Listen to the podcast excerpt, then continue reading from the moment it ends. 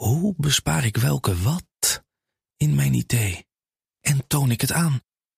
Lenklen, Virtuf Partner.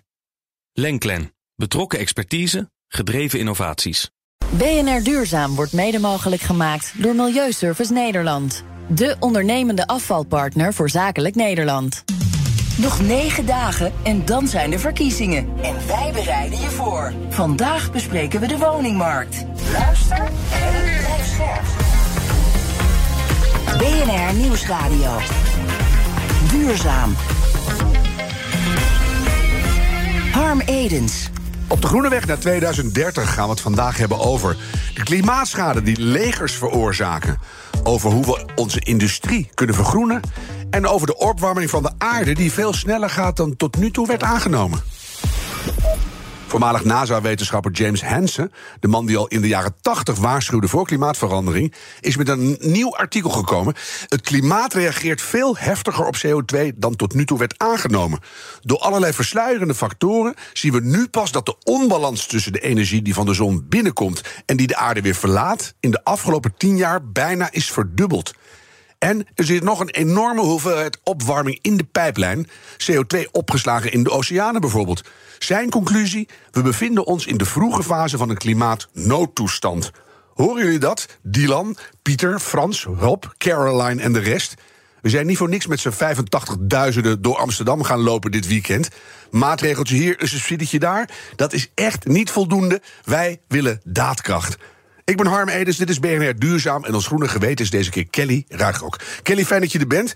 Ik uh, zei net al in mijn inleiding: oorlog voeren is niet alleen verschrikkelijk voor alle mensen die daar direct bij betrokken zijn. Het is ook desastreus voor het klimaat.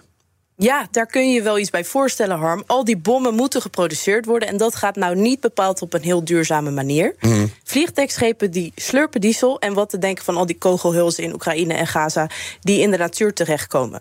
Dus twee denktanks hebben nu een rapport gepubliceerd. over de legers van Engeland en de Verenigde Staten. En hun conclusie: die hebben sinds de Parijsakkoorden van 2015. samen al 430 miljoen ton CO2 uitgestoten. Ja. Dus het rekensommetje daarvan is 111 miljard dollar uh, uh, maar liefst. En dat is meer dan heel Engeland in een jaar uitstoot. Geschat wordt dat wereldwijd 5,5% van de broeikasgassen wordt veroorzaakt door militaire activiteiten. Het is goed om eens een keer hardop te zeggen. Hè? Het is al een drama. En, en, terwijl je dat drama aan het doen bent, verpest je het nog erger. Ik heb begrepen dat het Amerikaanse leger zelfs de grootste institutionele uitstoter is van broeikasgassen wereldwijd. Ja, kan je nagaan. Ja, dan nog een ander klimaattopic dat volgens jou aandacht verdient: Scope 0. Nou, leg maar uit. Ja, veel mensen zijn bekend met scope 1, 2 en 3. Ja. Scope 1 is directe CO2-uitstoot van je bedrijf. 2 indirect. En scope 3 gaat over de emissies die in de keten worden gemaakt. Mm -hmm. Maar nu is er steeds meer aandacht voor scope 0. En dat is de CO2 die het bedrijf in het verleden heeft uitgestoten. Nog maar weinig bedrijven nemen dit mee in hun strategie. Maar Microsoft doet dit al wel. En in 2050 willen zij al hun historische emissies ook hebben opgeruimd. Mm -hmm. Dus ik wil eigenlijk bedrijven oproepen om dat voor voorbeeld te gaan volgen. Ja, er is nu ook een grootschalig onderzoek gestart naar, een prachtig woord, het koolstofbewustzijn in het Nederlandse bedrijfsleven. Ja, klopt. Het initiatief komt van Climate Cleanup, het online kenniscentrum Duurzaam Ondernemen en Synkit. En de bedoeling is om beter in beeld te krijgen hoe grote bedrijven hun historische emissies willen gaan opruimen. En meedoen kan via duurzaamondernemen.nl, waar je de enquête kan invullen. Ja, dus uh, let op je koolstofbewustzijn. BNR Duurzaam. Is er in Nederland nog plek voor Tata Steel of voor Gemoers? Moeten we die bedrijven sluiten of geven we ze de kans om te vergroenen? En als we inzetten op dat laatste, wat is dan een redelijke termijn? Gertjan Kramer is als hoogleraar duurzame energievoorziening verbonden aan de Universiteit Utrecht en hij is voorzitter van Sustainable Industry Lab. Gertjan, welkom. Jij zegt uh, niet verbieden, maar we moeten vergroenen. Waarom? Nou, het is interessant. We hoorden net uh, over scope 0. Hm. Iets waarvan ik uh, tot deze uitzending uh, waar niet mee bekend was. Uh, maar ik denk dat het aangeeft dat wat je nu doet, heeft een geschiedenis. Mm -hmm. Maar je moet ook nadenken wat dat voor verplichtingen op inhoudt voor, naar de toekomst toe. Ja. En ik denk dat uh, er is in Nederland heel veel industrie. Ook met name veel wat je ofwel zware industrie of basisindustrie noemt. Mm. En ja, er is soms een sentiment in de samenleving van is het niet veel makkelijker in het licht van klimaatverandering om gewoon te stoppen met die industrie. Ja. En uh, nou, in het uh, Sustainable Industry Lab denken we na over die vraag, specifiek wat dat voor Nederland zou betekenen.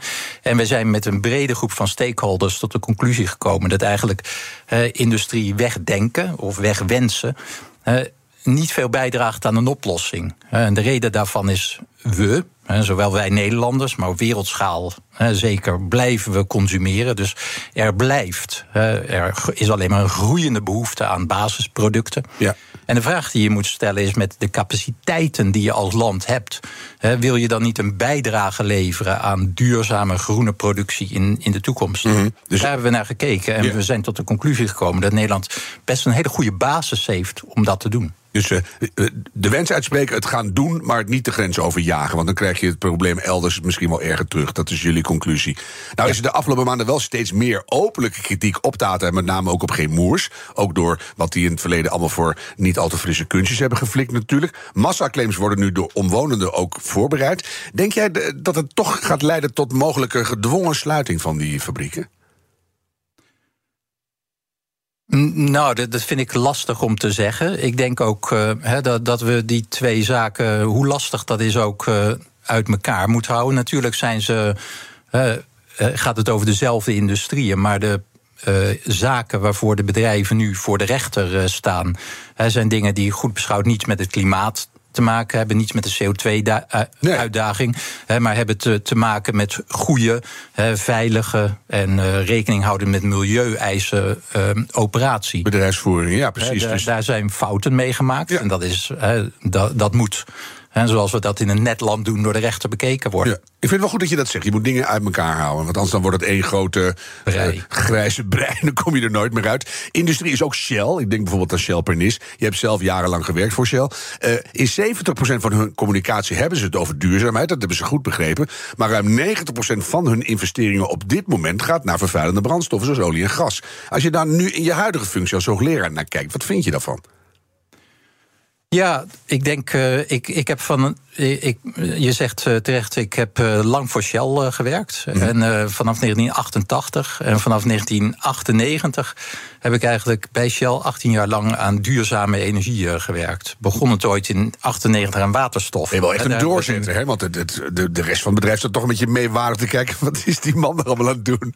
Ja, nou, in alle eerlijkheid was ik natuurlijk uh, rond het jaar 2000. Hè, werd er enigszins meewarig naar gekeken. Mm -hmm. hè, dus ik heb uh, twee decennia lang zo onderhand uh, gezien.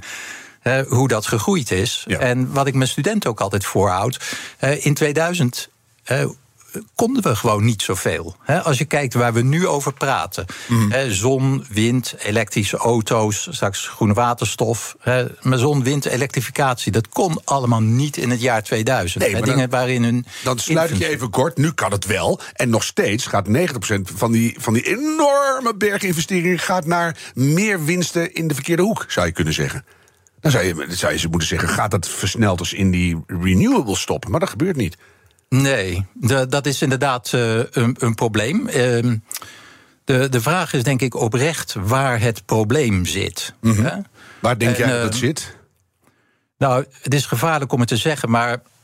of, of het is een beetje flauw om het te zeggen, maar ik denk wel dat het ten diepste waar is dat het een systeemprobleem is. Hè? Dat is ontzettend frustrerend. Maar ik bedoel, dat betekent dat een bedrijf heeft maar zoveel mogelijkheden. De overheid heeft maar zoveel mogelijkheden. En de burgers en de consument hebben maar zoveel mogelijkheden. Maar het En dat bedrijf heeft allemaal toch- samenkomen. Ja, tuurlijk, maar de Shell zou op dit moment toch kunnen zeggen... eh, die aandeelhouders die worden een beetje teruggezet... want we maken echt belachelijke winsten de laatste jaren. We gaan echt versneld eh, op de renewables zitten... en eh, dan moeten ze maar wat min, met wat minder genoegen nemen. Maar dat gebeurt niet. Nou, misschien om het misschien aardig om het wat ehm, hè, scherp te stellen. Ik denk dat eh, Shell in ieder geval onder de vorige eh, topman van Beurden eh, heel duidelijk ingezet had op Nederland als een soort eh, testcase, een voorbeeldland. Ja, waar, waar dacht, daar, kunnen we voorop lopen. Eh, ik denk, ik hoop hè, dat Shell dat nog altijd wil doen. Hè, er zijn ook een aantal grote investeringen die gewoon lopen. Maar ik denk in alle eerlijkheid dat Shell, maar dat geldt ook voor andere bedrijven, dat de waardering uit de samenleving voor die activiteiten niet heel groot is. Nee. Terwijl we het allemaal ook nog gebruiken als we niet uitkijken. Dus het is ook een beetje een Eh. twisted society aan het ontstaan. Als je nou kijkt naar het begin van deze zomer... toen eh, ontstond jullie rapport Groene Keuzes voor de Nederlandse basisindustrie. Afzender Sustainable Industry Lab. Eh, belangrijkste conclusie voor jullie. De zware industrie kan in 2050 klimaatneutraal zijn. Vond ik mooi. En Ja. toen dacht ik meteen daarna, kan. Is dat nou de juiste formulering of had daar moet moeten staan? Ehm, nou, moet hè, is, is een directief. eh, nou, eigenlijk is een vraag: van wie is dat directief? Ja, van ons allen. Van ons allen, aan ons allen. Ja. De enige belofte die we hebben gedaan, is dat we klimaatneutraal zijn. En zeggen eigenlijk in relatie tot eh, dat rapport ook wel, soms is Parijs voelt aan als een halve belofte. Hè, want het enige wat we beloofd hebben is dat we geen CO2 meer uitstoten. Maar we zeggen niet hè, wat we binnen dat budget, wat uiteindelijk nul is, van plan zijn te doen. Of hoe we daar gaan komen. Als we eh, alleen ja. maar eh, een service-industrie zijn met heel veel barista's en eh, pakjesbezorgers. En, nou, in elektrische auto's natuurlijk. Tuurlijk. Ik de- krijg wel een blij idee van. ko- terwijl ik een- koffie een- drink, komt mijn pakje aan.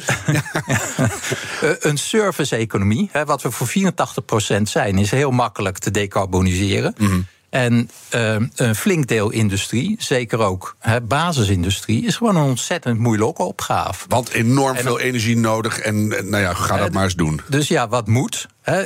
We moeten naar CO2 nul. En de, de vraag is, maar dat moet niet. Moeten we ook de industrie houden? En wij hè, maken dan het punt. Nou, laten we er op zijn minst over nadenken. Laten we in kaart brengen wat Nederland daar eigenlijk voor heeft. Hè? En in hele simpele termen denken we dat, hè, waar vaak het iets wat simpele argument gemaakt wordt van de industrie is hier ontstaan op het basis van het goedkope Groningse gas. Ja. Nou, dat houdt op. Hè. Groningen gaat dicht, is dicht.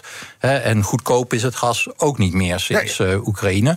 Dus dat is over. Dus hè, de- dan lijkt de basis eigenlijk weg te vallen. Maar hè, wat we eigenlijk constateren is... Nederland heeft een unieke duurzame resource in wind op de Noordzee. Hè, dat Ja. is een enorm Maar ding. ook limited en lang niet genoeg voor onze hele elektrificatiebehoefte. Hè? Dus dat, daar gaan we niet eh, de, de oorlog mee winnen. Nou, wij rekenen uit van wel. Oh, ik reken eh, alsmaar dat we daar hoogstens een derde van onze totale behoefte vandaan gaan halen uiteindelijk.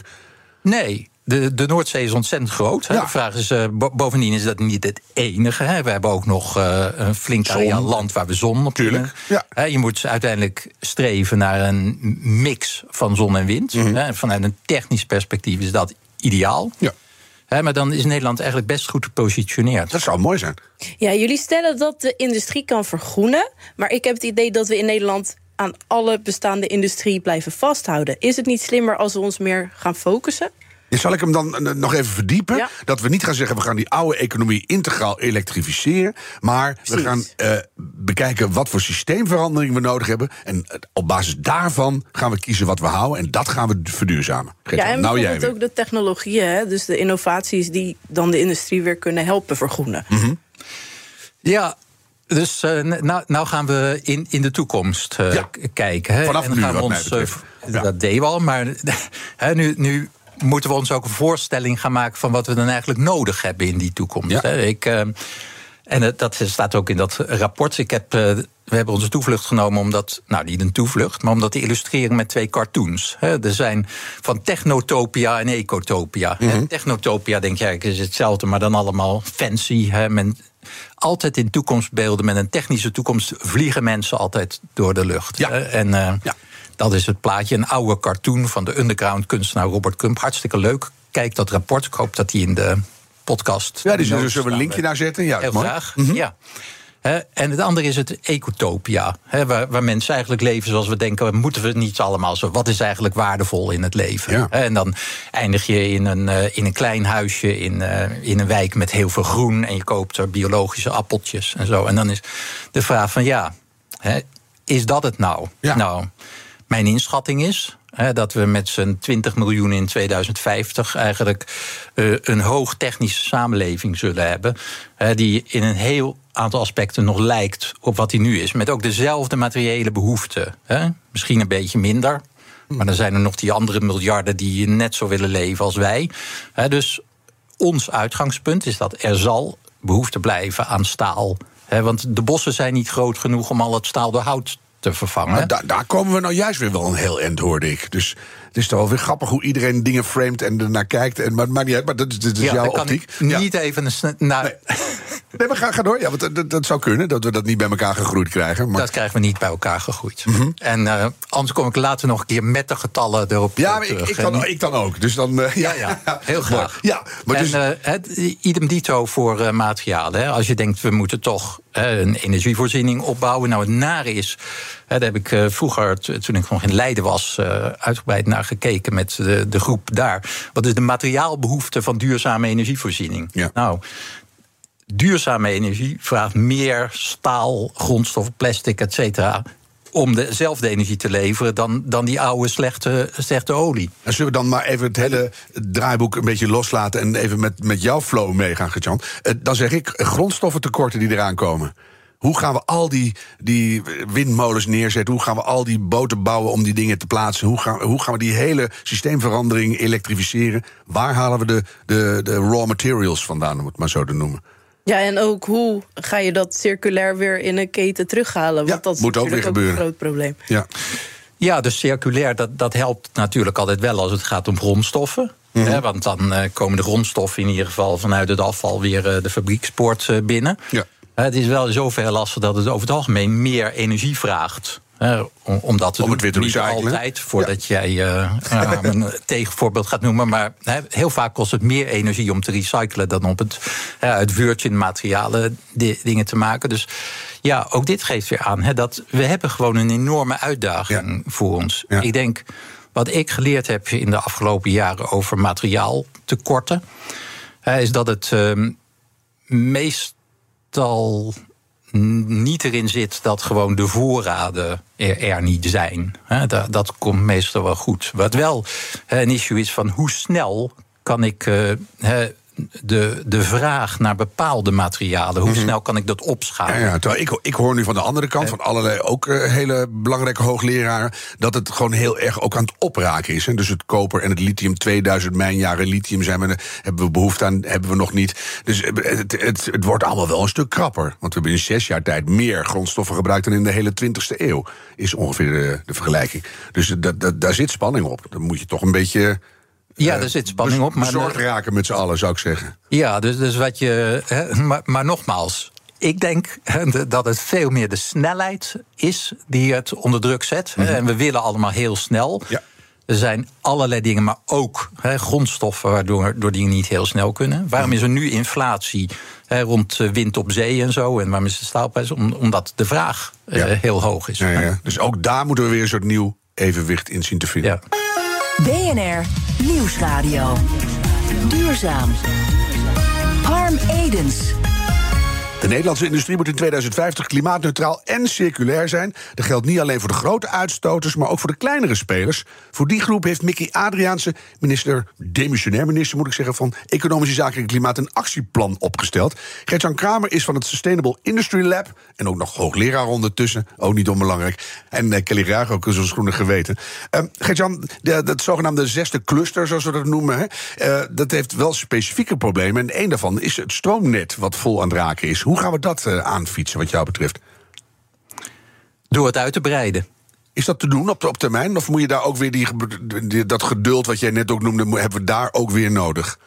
Nou, volgens mij zie je het geduld aan het opraken. Maar, maar, maar goed, hè, ik bedoel, weet je, dit, is, eh, dit zijn denk ik, hè, zo je wilt, als je het positief wil duiden, de groeipijnen van de energietransitie. Hè.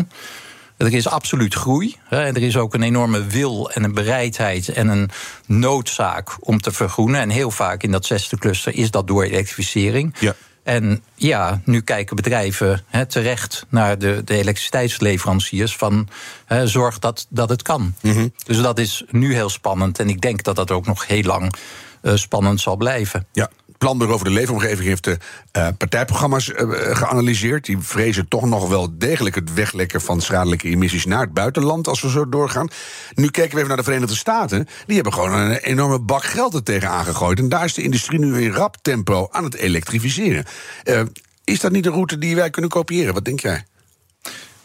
Ja, ik denk uh, zelf, ik, ik, weet, ik ben geen beleidsgoeroe hoor. Maar uh, onder andere door die activiteiten in het uh, industrielab hoor ik wel een boel van hoe mensen in de industrie en ook bij de overheid daarover praten. En, mm -hmm. ik denk dat de constatering is dat Amerika met de Inflation Reduction Act een aantal hele simpele regels heeft. simpele wetgeving, makkelijke toegang tot tot geld. Ja, zou, dat, zou dat iets zijn voor Nederland? Dat we het niet te ingewikkeld gaan doen? Dat het niet te veel mm, regels Ja, dus zonder prescriptief te zijn hoe het moet. Want daar moet je niet uh, voor bij mij zijn. Maar denk ik, uh, simpelheid is cruciaal. Ik denk dat... Ja. wat je nu ook ziet en hoort rond maatwerkafspraken. En dat het enorm lastige materie is. Ja, nou ben jij al 25 jaar met dit onderwerp bezig. Hoe gaat het worden, denk je? Gaan we het redden? Nou, ik ben uh, een, een, groot liefhebber van de cliffhanger.